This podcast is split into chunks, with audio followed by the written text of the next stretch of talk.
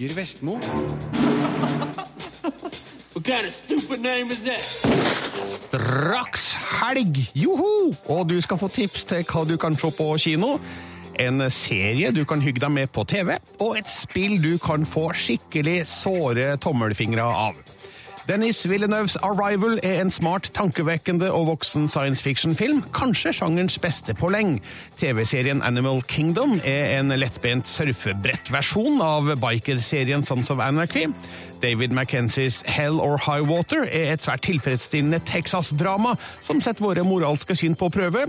Kampen om fjordene er en engasjert, men ujevn dokumentarfilm om kampen mot monstermasta i Hardanger.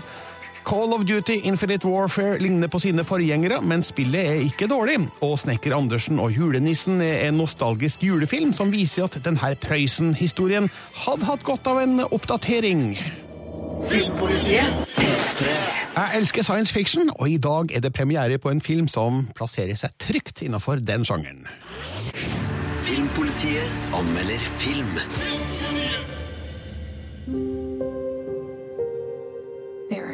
That define your story beyond your life.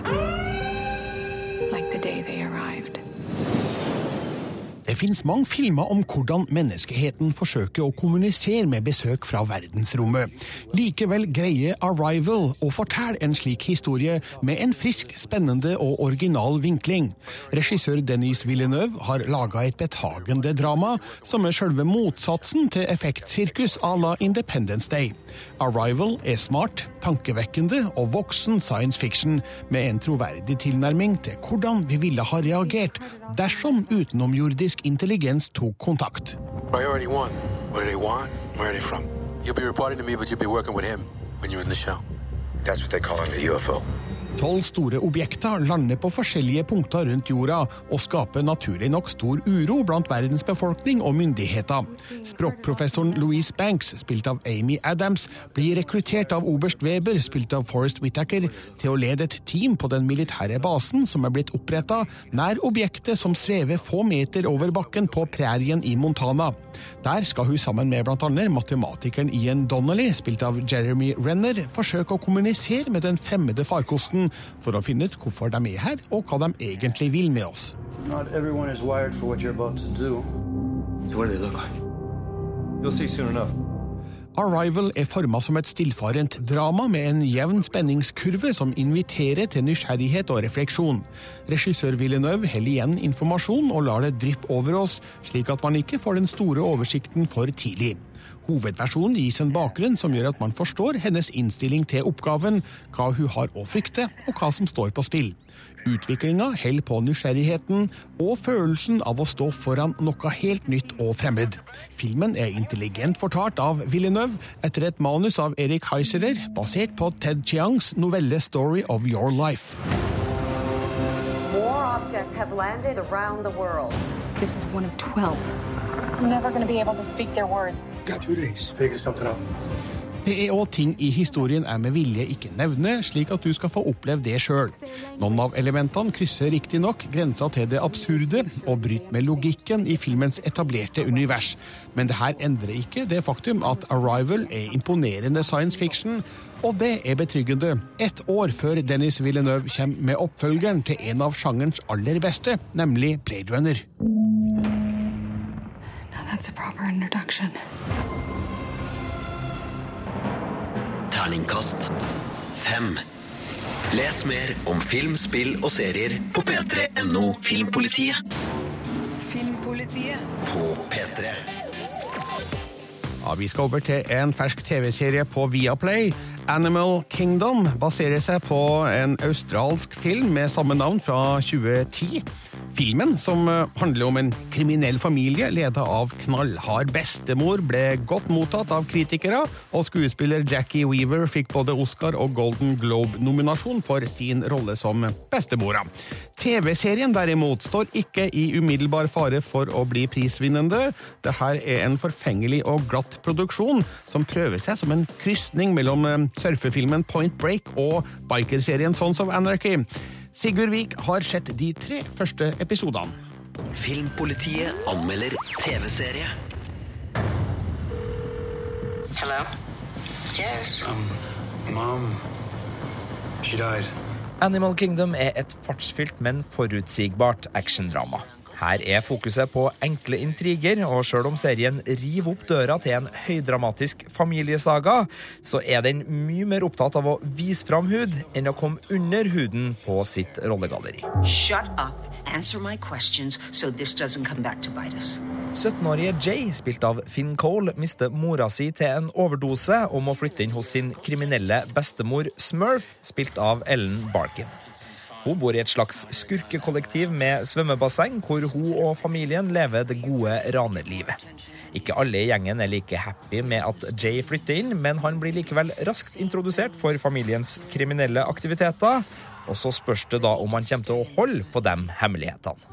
Maybe it's time we cut the cord. You talking about my family? Det er mye fokus på lettbeint action av typen kappkjøring, kameratslige slagsmål og adrenalinfylte ran. Helt sjangerordinært filma ut fra popkornvennlige Hollywood-maler. Her er inspirasjonen lett å få øye på. De surfende ranerne har mer enn et hint av point break over seg, og den unge mannen som må ta stilling til sin kriminelle familie, er bare ett av mange lån fra bikerserien Sons of Anarchy. We do all the work. She controls. Karakteroppbygginga er endimensjonal, og rollefigurene oppfører seg alltid som forventa i Animal Kingdom. Dette er en sånn type serie som viser oss at Jay er en smart gutt ved å kjapt filme at han løser matematikkstykker.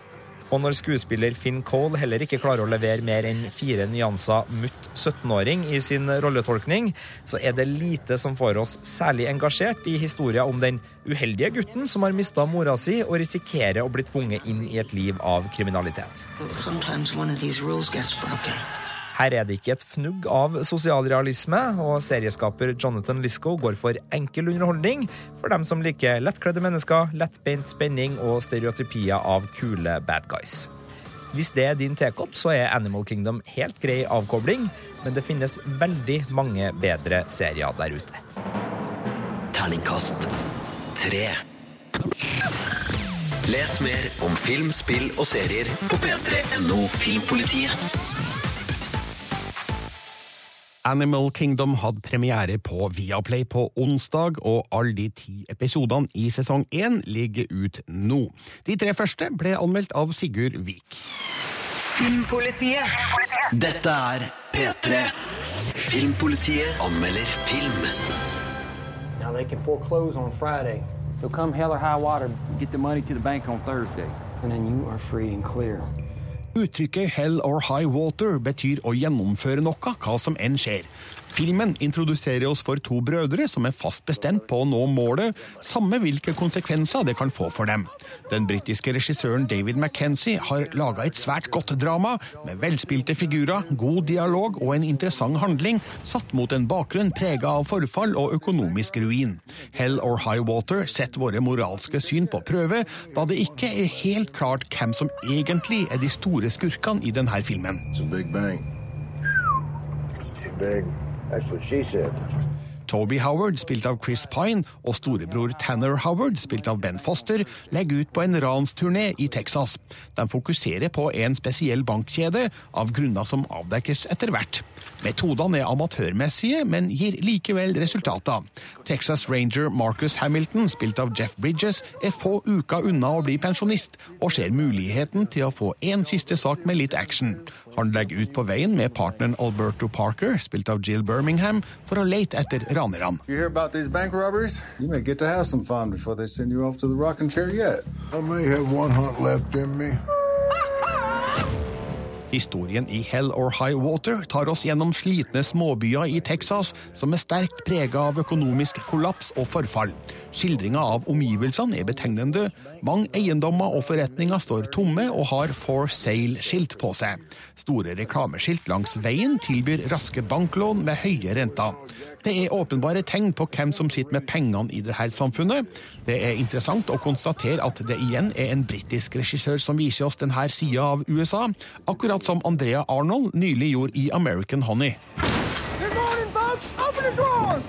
You got a gun on you, old man? You damn right I got a gun on me. Y'all gonna steal my gun too? We ain't stealing from you, we stealing from the bank. Hell or High Water er en svært tilfredsstillende film fra David McKenzie, kjent for Young Adam, tilfellet Hallam Foe og Start Up. Dette er ikke hans første film med handling satt i USA. Det var LA Gigolo med Ashton Kutcher i 2009. Men Hell or High Water er en mer virkelighetsbasert film med bedre skuespill, en troverdig miljøskildring og et handlingsforløp som tar seg tid til å utforske tematikken mot det uunngåelige klimakset. Det er i miljøer som det her vi finner Trump-velgerne, den fattige hvite underklassen som har fått den amerikanske drømmen knust og legger skylda på banker og politikere. Been here for a while? Long enough to watch the bank getting robbed has been robbing me for 30 years. Terningkast fem. Les mer om film, spill og serier på p3.no Filmpolitiet. Filmpolitiet hver fredag fra 11 til 1 på P3. Money Monster er ut på Blu-ray, DVD og strømmetjenester. Her er min anmeldelse fra kinopremieren. Filmpolitiet anmelder film. We are live in five minutes. You have the revisions for the We're opening. still making some changes. Am I going to get the changes before the show or You after know the the drill. show? You just point the camera in my direction. We'll figure it out together. It always sounds so simple and yet so moronic. Regissør Jodie Foster viser seg fra sitt mest kommersielle med thrilleren Money Monster. Men under den strømlinjeforma og veldreide dramatikken stikker det ut en tematikk som er altfor reell for den lille mann i gata. Det gjør denne filmen både aktuell og interessant, sjøl om manuset ikke tar seg tid til en grundigere utforskning av mekanismene som går i bakgrunnen i finansverden. Money Monster har uansett nok av kvaliteter til å være verdt oppmerksomhet. The Wizard of Wall Street himself. The name is Lee Gates. The show is Money Monster. Without risk, there is no reward. Programleder Lee Gates, spilt av George Clooney, og produsent Patty Fenn, spilt av Julia Roberts, underholder sitt publikum med fargerike vurderinger av aksjemarkedet i finans-TV-showet Money Monster. Så blir hele studioet tatt som gissel av Kyle Budwell, spilt av Jack O'Connell, som har tapt alle sparepengene sine etter å ha fulgt ett av Lees aksjeråd. Det hele blir sendt direkte på TV, og Lee og Patty blir tvunget til å forsøke å finne ut akkurat hva som skjedde da Kyles penger forsvant. Like. Filmen legger ut i stor hastighet fra starten. Vi blir tatt med inn i et heseblesende TV-studio der all har sin plass og funksjon, og det hele virker ganske så troverdig. Gisseltakinga har dramatikk og nerve, og utviklinga virker sannsynlig og troverdig, sjøl om situasjonen er ekstrem. Jack O'Connells briljante innsats som Kyle får han til å fremstå som en farlig mann, men med en menneskelighet i bunnen som viser seg glimtvis etter hvert. Clooney og Roberts er kanskje filmens største stjerner, og de er akkurat så flinke og profesjonelle som de alltid er, men det er O'Connell som imponerer mest på skuespillerfronten. I'm sitting 80 feet from a bomb. Don't talk to me about delicate situations. På overflata er altså det her et gisseldrama, men filmen har dypere lag. Den pirker i den økonomiske situasjonen, der store selskaper opererer i gråsona uten klare regelverk. Milliardærer profitterer kynisk på småfolk. Jeg kun ønska en litt klarere etablering av de bakenforliggende faktorene i denne historien, men Jodie Foster har åpenbart valgt å holde det til et minimum, kanskje for ikke å risikere å kjede noen med tørre fakta. Hun har først og fremst laga en underholdningsfilm med seriøse undertoner. Money Monster er en fin thriller med godt skuespill, et aktuelt tema og stram og effektiv regi av Jodie Foster. You came here to get some answers. You deserve to get some answers. Terningkast fire Filmpolitiet på P3. Heller ikke verst at Sigurd Vik har kommet inn i studio. Godt å få anerkjennelse, Brygger. Takk skal du ha. Nemlig. For vi, eh, vi skal snakke om et par ting som har opptatt oss eh, denne uka. Og hvor skal vi først, Sigurd? Det her er seriedelen av nyhetsoppdateringa, vi starter med Stranger Things. Denne Netflix-serien som tok oss tilbake til 80-tallet i sommer, og som får en sesong to, og som nå har fått en del skuespillere mer eller mindre bekrefta til, til oppfølgersesongen. Og det er ganske mye kult. Jeg kan starte med min personlige overskrift, favoritt. Stranger Things får en hobbit. Ok. There's a Hobbit coming. Uh, Sean Austin, kjent fra The Goonies og da Ringenes herre-trilogien, hvor han spiller Samwise, uh, er da bekrefta til Stranger Things sesong to og skal spille en uh, gammel klassekamerat av mora, som spilles av Winona Ryder, og sheriffen. Så han skal være en fyr de uh, møter, og Ja. skal visst operere en local Hawkins Radio Shack, så han er vel kanskje litt nerd, da? Sean Astin, fin fyr. Flere? Det er flere fra Alien-universet som jeg vet at du syns er helt ålreit. Så finner vi skuespiller Paul uh, Racer, som uh, Nå husker ikke jeg navnet. Hva heter han? uh, Chuck? Nei, hva heter han i Alien? Burke. Burke er det! Burke. I Som- Aliens. Aliens, Det er nummer tre, det. Nummer to. Nummer to. Du kan så mye mer om det her enn meg. Ja, Men, men i hvert fall dette er jo barnelærdom, ja, Sigurd. ja, jeg var, jeg var jo ikke barn, da. Uh, ja. Eh, men eh, i hvert fall, han er også bekrefta. mer kanskje på den mystiske sida. Han skal spille noen som jobber for den her mystiske regjeringsorganisasjonen, så han er nok kanskje en potensiell bad guy. Og så er det også bekrefta en ung dansk skuespillerinne som heter Linnea Bertelsen, som skal komme, og da antar jeg at hun kanskje blir en ny venninne til gjengen, eller en eh, klassebølle. Hvem vet? Følg med, straks skal vi innom Game of Thrones, ja, for vi må.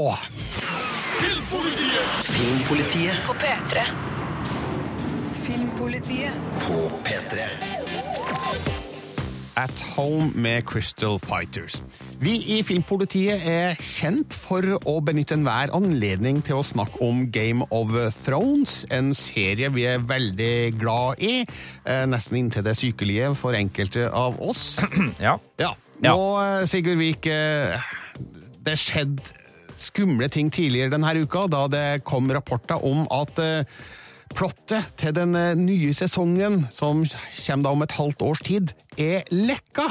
Ja, det har eh, kommet veldig mye eh, nyhetsinnslag om at det skal være sånn at en bruker på nettstedet Reddit har øh, sluppet mer eller mindre hele plottet for sesong sju. Og det her har da blitt plukka opp, og det har blitt spredd, og det har vært helt forferdelig for oss som slites da mellom Jeg vil vite hva som skjer! Jeg vil vite hva som skjer! Men jeg vil jo se, jeg vil jo se det på TV. Jeg Jeg prøver å holde meg så langt unna slike rapporter og slike saker, men veit vi noe om sannhetsgehalten i det? Ja, ok, bare først uh, nå, Vi kommer ikke til å spoile noe her, så du kan trygt høre på Filmpolitiet. Det er Yep. ingen grunn til å, å forsvinne. Men det som skal ha skjedd da, gangen i det For en tre ukers tid siden så var det en bruker på Reddit som uh, hevda å ha lekkasjen, og la ut da veldig mye av det her. Uh, men så var det en annen bruker som påsto å være nær settet, som tilbakeviste og sa at det her var bare tull.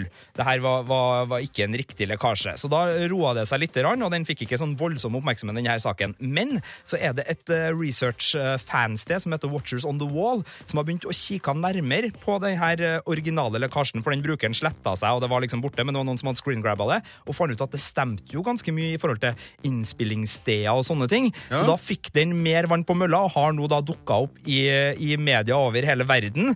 eh, under faen Det er ikke sikkert at det er sant, men det kan være sant, fordi det er flere da som har gitt det her litt troverdighet. Jeg har ikke tort å sjekke noe av det her, men altså fra store britiske seriøse medier til også her i NRK, så har det jo blitt uh, viderebrakt at det er muligens en lekkasje her. Så mitt tips til alle er jo bare å holde seg langt unna hvis du er i nærheten av redd for å, å få spoila noe.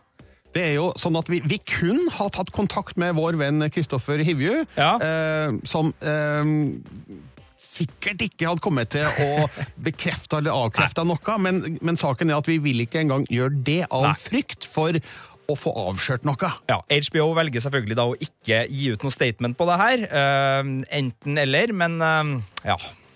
Nei. farlige tider for Game of Thrones-fans, så vi håper at de fleste greier å holde seg til sommeren, da den nye sesongen har premiere.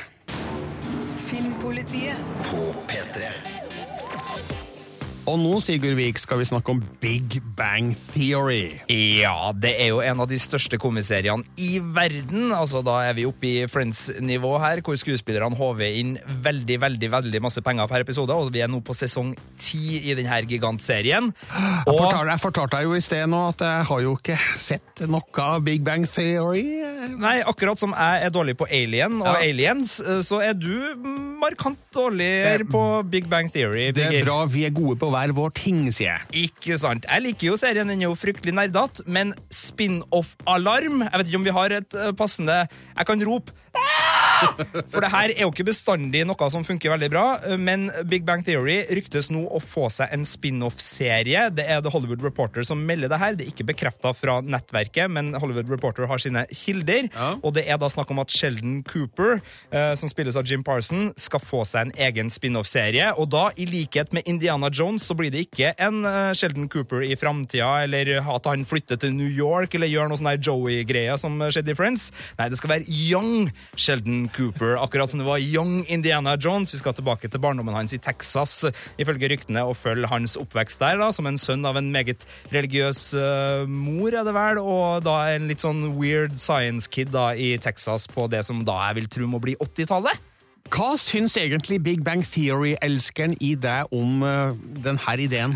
Jeg syns det virker som nok en litt sånn desperat spin-off. Det funka ikke med Baywatch Nights, det funka ikke med Joey, det funka knapt nok med Carl og Co. fra vår egen Mot i brøstet. Jeg er ikke noen spin-off-fan i utgangspunktet, men av og til funker det. Frasier var en spin-off. Vi må ikke glemme det. Det var en veldig bra spin-off. Så det kan gå. Uh, men en annen godbit til Big Bang Theory-fansen da, er at uh, nå i episoden som sendes i USA 1.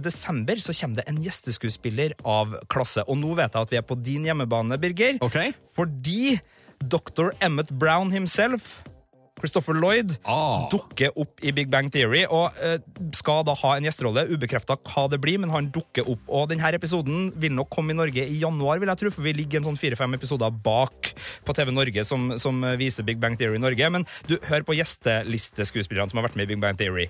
Buzz Aldrin, George Takei, Leonard Nimoy, Stan Lee, Stephen Hawking, Steve Wozniak og Will Wheaton. Fy søren, det er ei bra liste, Birger. Og så Christopher Lloyd. Og så selveste Back to the Future. Great Scott!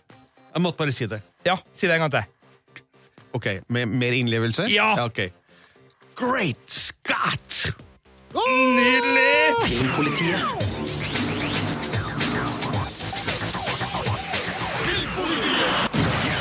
På starten av 2010-tallet var det mye medieoppmerksomhet rundt utbygginga av høyspentmasta i Hardanger. Den fikk navnet Monstermasta, og det var mange aksjoner mot dette inngrepet i norsk fjordnatur. Den motstanden har nå blitt til en dokumentarfilm. Kampen om fjordene vant publikumsprisen under Eurodoc tidligere i år, og settes i dag opp på kino i Oslo, Stavanger, Trondheim, Tromsø og Stryn. Kollega Sigurd Vik har sett filmen. Filmpolitiet anmelder film. Jeg trodde at Norge var stolt over naturen sin, stolt over fjordene. Men når det kommer til stykket, så betyr det ingenting. Kampen om fjordene er en engasjert dokumentar som tar oss med på innsida av kampen mot de mye omtalte monstermastene i Hardanger på starten av 2010-tallet. Filmens hovedperson er Synnøve Kvamme, som er en av de sentrale aksjonistene. Hun blir med sine bunadskledde protester et bilde på motstandskampen, tradisjon og lokale verdier mot monstermaster og storselskap. Synnøve har et oppriktig og brennende engasjement i saken, og det er lett å leve seg inn i hennes historie, som går fra klokkertro på lokaldemokratiet til vantro over hvor overstyrt lokalbefolkninga blir, etter hvert som det blir klart hvem som kommer til å vinne mastekampen. Vi blir behandla som noen kriminelle, bare for at vi prøver å forsvare Hardanger mot dette overgrepet. Kampen om fjordene påstår flere overtramp fra både Statnett og politis side, og retter skyts mot hvordan demokratiet har blitt praktisert i denne saken. Men de her påstandene undersøkes og etterprøves i liten grad i filmen.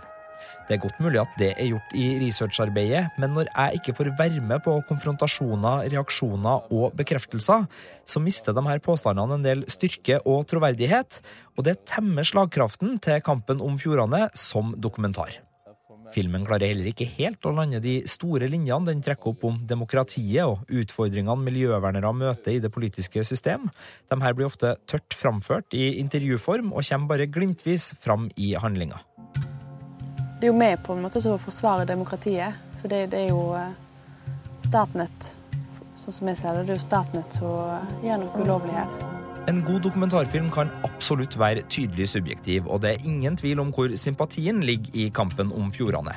Men det blir litt for drøyt vinkla for meg når filmen bruker gammeldagse og verdiladde virkemidler, som at Statnetts representant intervjues i et vindusløst og kommunegrått rom, mens miljøvernere presenteres på solskinnsturer og får bade i idylliske fjellvann til vakker musikk.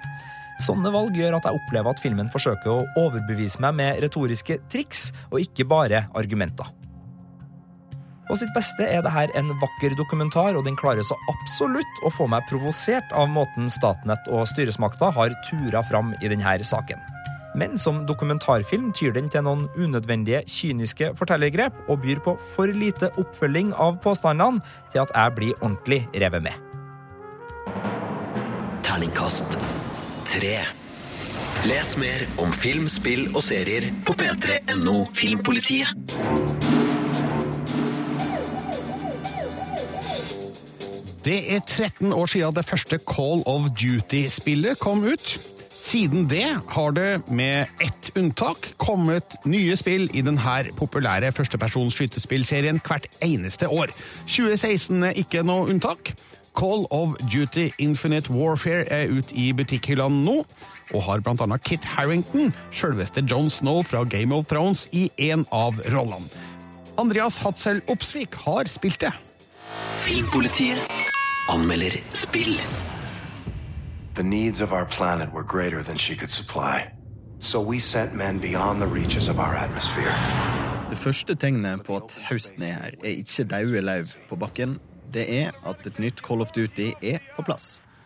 Vi er fremdeles i framtida, og serien kaster oss igjen ut i ei hard svart-hvitt-konflikt, der målet er å ta knekken på motstanderen så raskt og effektivt som mulig.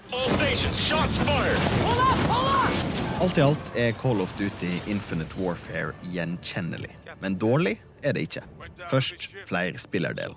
Bevegelsene dine er i stor grad basert på det futuristiske Black Ops 3 fra i fjor og Advanced Warfare fra forfjor, og vil være lett å hoppe inn i for fanbasen.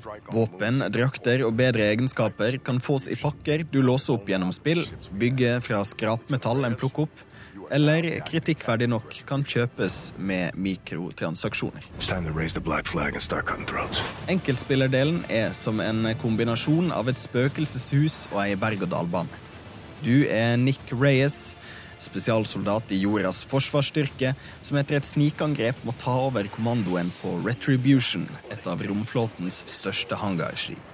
Terroristene viser seg å være separatistutbrytere fra kolonien på Mars, leie av admiral Koch, spilt av Kit Harrington, best kjent som John Snow Game of Thrones, og han vil utslette hele jordas befolkning av litt vage, udefinerte årsaker. Spenningskurva i historia skraper pannebrasken i taket hele veien, og tar i starten sjelden nok tid til å puste i det hele tatt. Fordi alt er like spenningsfylt, ender det meste opp med å være like lite spennende hele veien. Den andre hovedmodusen er zombie-modusen. En eh, underholdende leik som du kan samarbeide med venner eller andre over internett, med sterke trekk fra både Left for Dead-serien og Far Cry Blood Dragon, og et visst hint av Cabin in the Woods.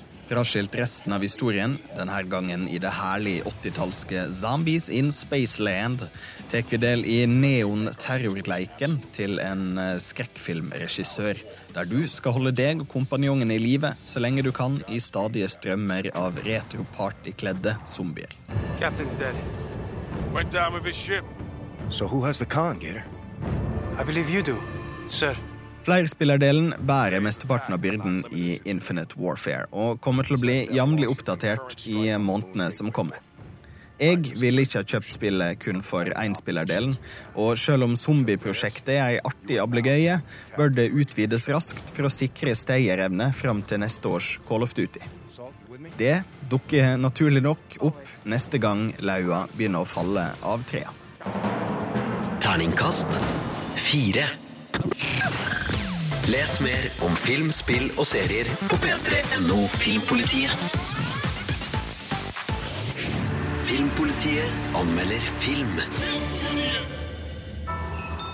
Du kan holde på en hemmelighet. Ja. Det er bra, for dette Dette er en skikkelig stor en. Snekker Andersen og julenissen er en kjent og kjær historie fra Alf Prøysen, som selskapet bak Bølgen, Fantefilm, ikke våger å gjøre for store sprell med. Derfor blir det her en traust og gammelmodig film, sånn omtrent slik den ville ha blitt laga i 1960, bare med bedre teknikk. Terje Ragnes regisserer trygt og forsiktig en enkel og nærmest banal historie, uten noen annen moral eller budskap enn at jul er gøy. Snekker Andersen og julenissen hadde nok tjent på en oppdatering i form og innhold. Det er usikkert hvor godt denne julenostalgien treffer barn anno 2016, men man kommer i hvert fall ikke i mindre julestemning av filmen. Alt dette nissestyret ødelegger hele jula for oss. Blir det ikke jul, pappa? Jo. Nei! Mamma høres jo litt irritert ut. Du kjenner kanskje hovedtrekkene i Prøysens lille historie fra før, men manusforfatter Jon Kåre Råke har lagt til nok til at spilletida passerer timen. Det handler altså om en snekker som heter Andersen, spilt av Trond Espen Seim, og som er veldig glad i jula. Det er ikke kona, spilt av Ingeborg Raustøl, som med gru husker ektemannens mislykka julenisseopptreden året før, som vi ikke får se, men som burde vært filma for å etablere forståelsen for konas store motforestillinger. Andersen tar likevel på seg nissekostyme, men det skjer noe uforutsett som gjør at han plutselig befinner seg i skogen, der han møter den ekte julenissen, spilt av Anders Baasmo Christiansen, som tilbyr Andersen å bytte roller for kvelden. Vi, vi er nok ute i samme ærend, du og jeg. Fått på deg julenissedrakten, du òg. Trond Espen Seim spiller snilt og mildt i hovedrollen. Fru Andersen er bare sur og tverr og full av kjeft, i det som må ha vært en litt utakknemlig rolle for Ingeborg Raustøl. Begge er dyktige skuespillere, men har lite å spille på med enkle Prøysen-figurer uten særlig dybde eller spesielle karakteristikker. Anders Baasmo Christiansen blir heller ikke satt på store prøver i sin rolle, men har så absolutt uttrykket og utseendet som man forventer av en klassisk norsk julenisse. Hva har skjedd her, da? Å nei. Jeg har kjøpt gave til sønnen min. Alt er ødelagt. Det meste av filmen er innspilt i Romania, men landskap og omgivelser ser ut som glansbilder henta fra en norsk eventyrbok. Philip Øgårds bilder er vakre og vinterlige, sjøl om bruken av falsk snø er merkbar. Det gjøres ingen store feil i filmen, men Snekker Andersen og julenissen fremstår som kalkulert og forsiktig, der den med fordel burde ha formidla Prøysen med et mer moderne uttrykk. Om vi bytter nå, så går jeg til unga dine, og du til unga mine. Terningkast tre. Les mer om film, spill og serier på p3.no Filmpolitiet. Filmpolitiet hver fredag fra 11 til 1 på P3. Independence Day Resurgence er nå ut på Blu-ray, DVD og strømmetjenester, eller video on demand om du vil. Her er anmeldelsen laga av Andreas Hatzel Opsvik. Filmpolitiet anmelder film. Omtrent slik ser jeg for meg at eh, handlelistene til regissør og manusforfatter Roland Emmerich ser ut. Om han skriver ned litt for raskt og plukker de første tinga han kommer på. Mineralvann, grønn kål, klokker med store tall som teller nedover mot null, eksplosjoner, turistattraksjoner som går opp i røyk, folk i uniform som går sakte mot kamera, og utappa kinesisk kinomarked. Så tenker han nei, pokker, nå har jeg gjort det igjen, skrevet et manusutkast. Denne gangen er det oppfølgeren til Independence Day som står for tur. 20 år etter at den suksessrike 4. juli-filmen kom ut i 1996, plukker katastrofefilmkongen Emrik og co. opp tråden og setter historien til 20 år etter at menneskerasen sammen klarte å ta knekken på de invaderende romvesenene. Velkommen til jorda. Siden den gangen har historien vært innom ikke mindre enn tre ulike mannsfatterteam, og den bærer preg av det. Her er det mange som vil ha inn sine ideer. Det beste eksempelet er fraværet av nettopp Will Smith. Independence Day Resurgence har nemlig en helt. I utgangspunktet er han spilt av Liam Hemsworth, men i mangelen på den karismatiske Smith har filmen tvunget inn figurens sønn, Dylan, spilt av Jesse T. Usher. Når de to sammen må kjempe om publikums oppmerksomhet, ender de med å knappest være halvparten hver av Smith si minneverdige opptreden. Dialogen er overforklarende og overtydelig. Det virker i stor grad som det har skrevet en to timer lang film for å få lydklipp de kan bruke i ulike trailere. Gjengen fra den første filmen er generelt litt skrantende, med unntak av David Levinson, som er blitt sjef for jordas forsvarsprogram. Men det ser jo flott ut, da. Filmen er fylt til randen med dataskapte omgivelser, og alt fra organiske skip og romdrakter er gjengitt pent, selv om 3D-en i stor grad er overflødig. I de mest kaotiske scenene kan det bli litt mye, men i det fåtallet scener er vel også kaos nettopp poenget. Litt synd er det likevel at filmmusikken som skal støtte under de her store actionscenene, i stor grad er forsvinnende anonym. Her må komponist Thomas Schobel ha gått på autopilot. Den første Independence Day-filmen er egentlig overraskende liten. Ja da, hendelsene viste en hel planet i fare, og det visuelle lå ikke noe imellom for å vise trugsmålet fra det ytre rom. Men holdepunktene våre til planeten var få og sterke. I oppdateringen til 2016 har de spredd tankene sine for bredt utover. Noen påkasta tanker, som en afrikansk krigsherre, som uten problem kunne blitt en egen film. Og atterkomsten til Levinsons far er med på å lesse over en film med plott og figurer som bare tar vekk fra det viktige her. Emmerich er en visuelt sterk filmskaper, og med bl.a. Independence Day sementerte han katastrofefilmsjangeren på 90-tallet som sommerfilmen over alle. Seinere har han levert litt ujevne varianter av det her, gode som dårlige. Men denne oppfølgeren bærer i for stor grad av dess flere kokker, dess mer søl. Og i vakuumet etter en bærende skikkelse mangler filmen personligheten til å glitre. Så får vi se da om handlelistene skaffer nok penger til en oppfølger til. And that's worth fighting for. It's the 4th of July, so let's show them some fireworks. Terningkast 2. Filmpolitiet På P3. Andreas Hatzel Opsvik anmeldt Independence Day Resurgence, som nå er ute på Blu-ray, DVD og Video on Demand. Filmpolitiet. Filmpolitiet Les mer om film, spill og serier på p3.no Filmpolitiet.